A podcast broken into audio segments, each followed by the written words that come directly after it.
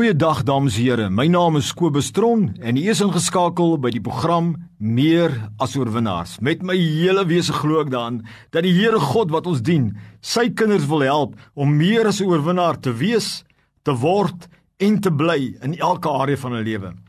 Ek is tans besig met 'n reeks oor Bybelse beloftes vir groei en vooruitgang.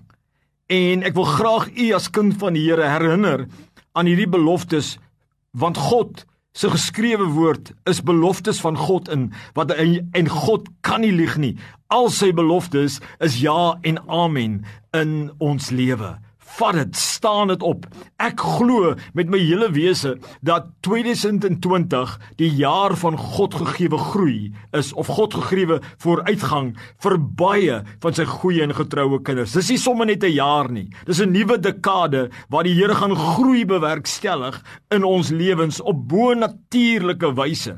En ek voel gelei om vir jou 'n paar skrifte te gee en te sê staan op hierdie skrifte. Maar wanneer ek bedoel groei, dan bedoel ek Ander woorde sinonieme bedoel ek vermenigvuldiging, 'n vermeerdering, 'n vergroting, 'n uitbreiding, 'n verhoging, 'n vooruitgang in alle areas van ons lewe. Of dit nou jou verhouding met God is of dit gedrag is na die beeld van Christus, wysheid, guns, beroep, huwelik, inkomste, ouerskap, vriende, familie, materiële dinge, God wil 'n groei bring. God kan 'n groei bring, 'n bo natuurlike groei, my vriend. Dit is wat die Here sê. Dit is wat sy woord sê. In die vorige sessies het ons heel paar skrifte op gaan stil staan, maar vandag wil ek weer op 'n paar skrifte gaan stil staan wat God beloof. God wat nie kan lieg nie, beloof as ons die kondisie handhaaf om by die Here te bly, tyd te maak met hom, getrou te dien in gehoorsaamheid aan die Here,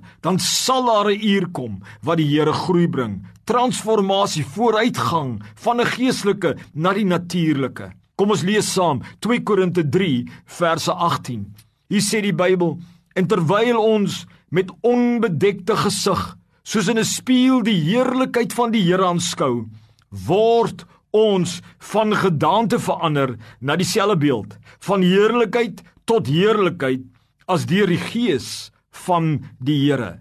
Duidelik sê die Here, as ons die kondisie vervul om die heerlikheid van die Here te aan te skou, met ander woorde om te bad in die Here se teenwoordigheid, om aanbidding by te woon, om as sy woord te luister en dan om getrou te dien waar ons is, dan sê hy ons word dan verander van gedaante na dieselfde beeld van heerlikheid tot heerlikheid as deur die Here. En glo dieselfde beeld van die Here beteken eersins in gedrag, in karakter. Maar tweedens beteken dit ook in dit wat God het. Hy wat het, hy kan die groei bewerkstellig in jou materiële, in die finansiële, in jou beroep. Hy is die een wat die reën bring. Hy is die een wat die boontjie laat groei. Hy is die een en hy beloof dit staan op hierdie skrif is van heerlikheid na heerlikheid deur die gees van die Here. Hy is die God van groei. Soos Paulus sê, ons plant, ons maak dat God bring groei. Hy bring die transformasie. Hy brei uit. Hy breek jou grense oop, maar jy moet dit vat. Staan op hierdie belofte. Lig jou skild van geloof op. Dit is jou jaar. Dit is jou seisoen as jy getrou was vir die Here. Dat nie weggeneem gaan word nie, maar 'n toename. In Matteus 13 vers 31 en 32 bring die Here Jesus Christus hier 'n uh, ander gelykenis deur om net te wys hoe werk die koninkryk van God, hoe werk die heerskappy van die Here, hoe werk die regering van die Here. En glo my, God se regering is regverdig. God se regering is goed. Glo my dit met my hele wese, my vriend. Kom ons lees saam. Die koninkryk van die hemele is soos 'n mosterdsaad wat man neem en in sy land saai wat wel die kleinste is van al die soorte saad maar as dit gegroei het groter is as die groente soorte en 'n boom word sodat die voëls van die hemel kom en nes maak in sy takke. Ja dis vir my 'n verstommende belofte van hoe God se koninkryksheerskap hy werk hoe dit werk wanneer Jesus in ons kom woon dat eers binne praat hierdie saadjie vir my van die Heilige Gees wat in jou kom woon. Maar jy kan nie sy volle kapasiteit vir jou dra onmiddellik nie, maar hy word meer en meer soos Paulus sê, Christus het gestalte in my verkry.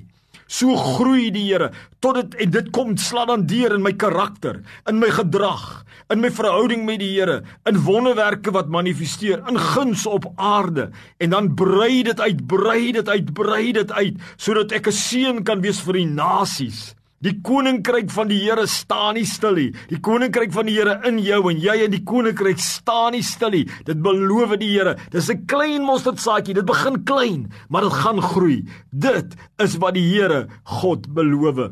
My liewe vriend, staan vandag op hierdie belofte staan staan met jou hele wese op hierdie belofte. So werk die koninkryk van die Here. So beloof die Here word ons verander getransformeer na die beeld van die Here. Ek wil graag weer hierdie twee skrifte lees vir jou vandag.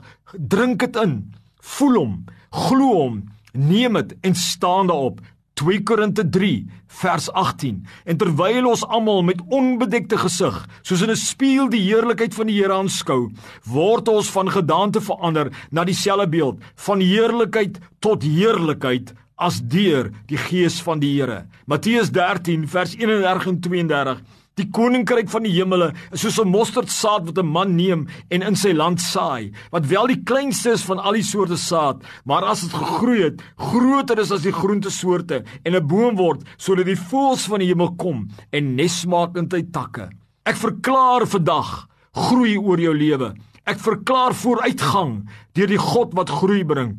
Ek verklaar jy's deel van die koninkryk en die Here beloon sy getroue kinders. Hy is 'n beloner van die wat U dien. Ek verklaar uitbreiding. Ek verklaar die seën van die Here toenemend oor jou lewe in Jesus se wonderlike naam. Amen.